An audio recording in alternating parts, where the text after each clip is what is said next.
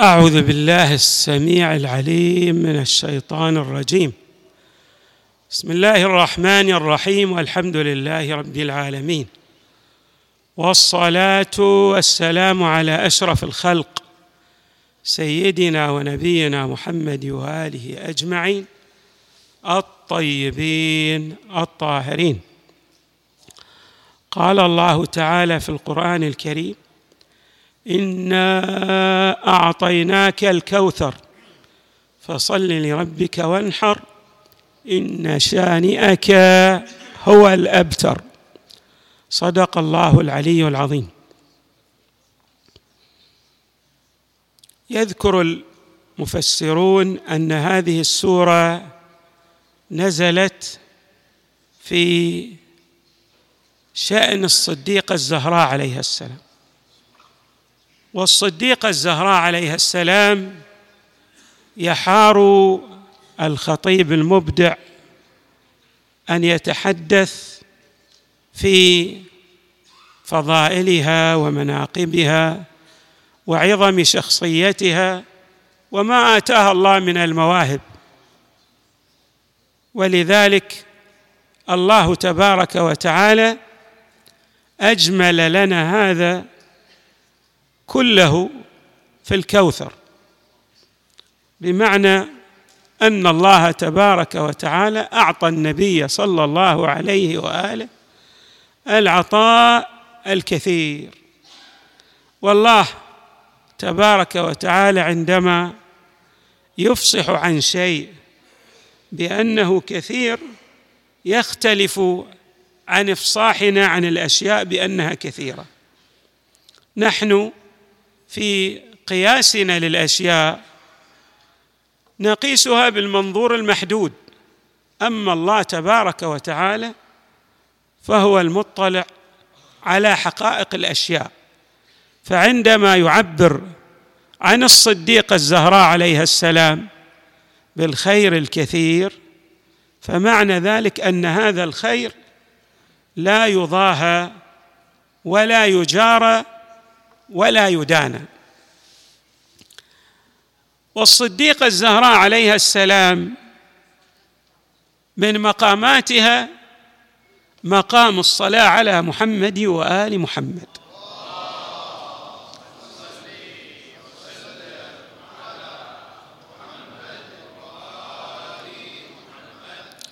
وقد أفصح عن هذا المقام المصطفى صلى الله عليه وآله بقوله من صلى عليك ألحقه الله بي في درجتي في الجنة.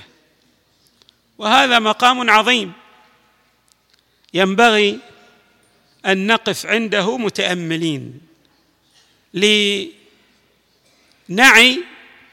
المعنى العميق لقوله صلى الله عليه وآله من صلى عليك ألحقه الله بي في مقامي أو في رتبتي أو حيثما كنت في الجنة. بالتأكيد أن الجنة عرضها السماوات والأرض ولها درجات ورتب ولكن الرتبه التي فيها المصطفى صلى الله عليه وآله هي أعلى رتبة. فمن أراد أن يتبوأ تلك الرتبة أن يكون مع المصطفى. وهي أعظم الرتب فعليه أن يرتبط بالصديقه الزهراء عليه السلام. هذا الارتباط هو أيضا المعنى الدقيق للارتباط بآل محمد.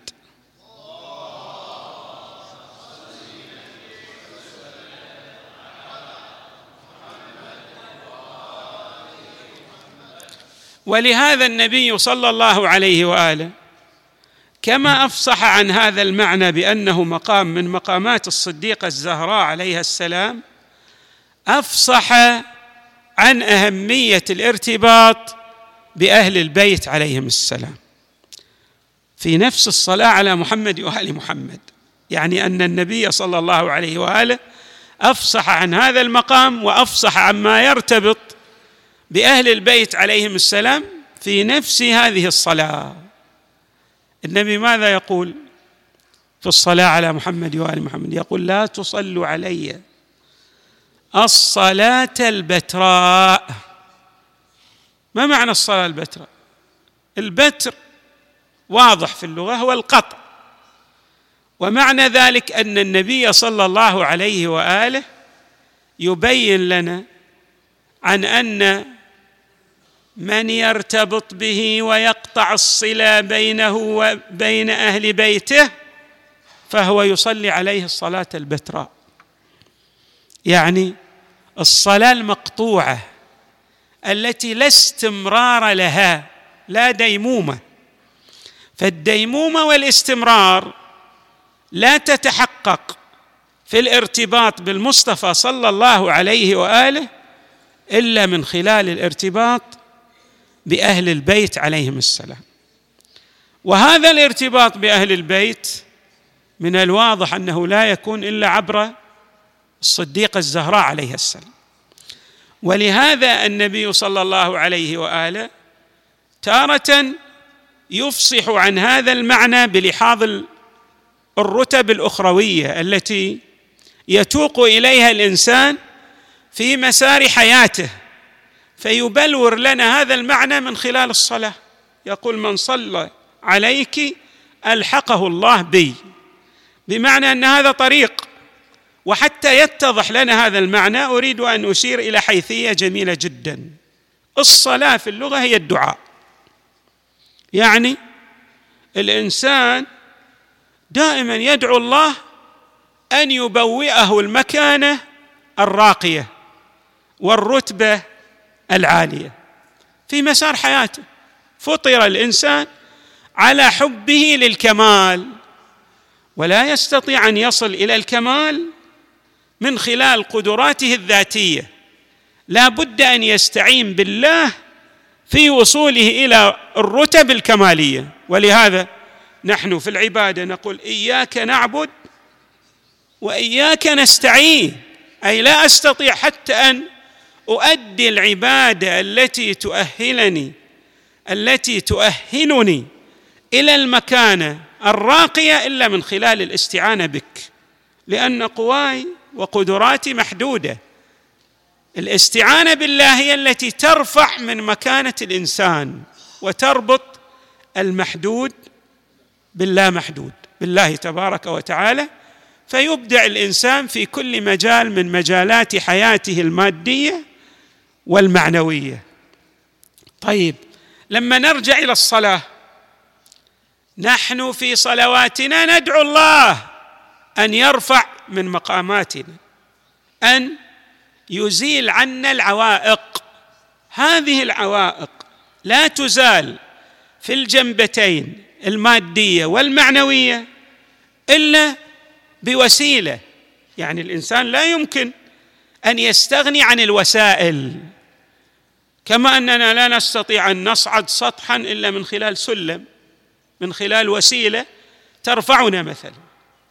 لا نستطيع أن نقطع مسافة إلا من خلال سيارة دابة طيارة لابد في وسائل. في الجانب المعنوي أيضا هناك وسائل. أعظم الوسائل التي توصل الإنسان إلى الله هم محمد وآل محمد.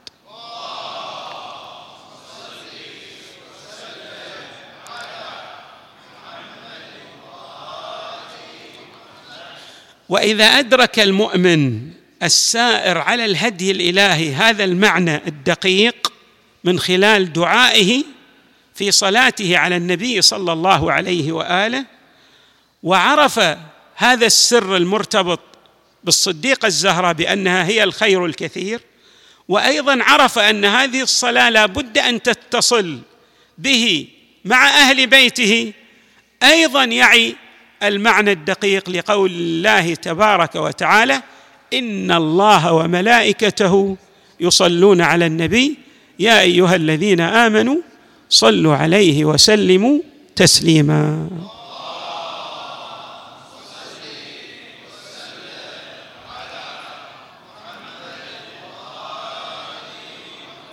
نسأل الله تعالى أن يجعلنا مع الصديقه الزهراء عليها السلام ومع أبيها المصطفى ومع بعلها المرتضى ومع آلها البررة الشرفاء في الدنيا والآخرة وصلى الله وسلم وزاد وبارك على سيدنا ونبينا محمد وآله أجمعين الطيبين الطاهرين.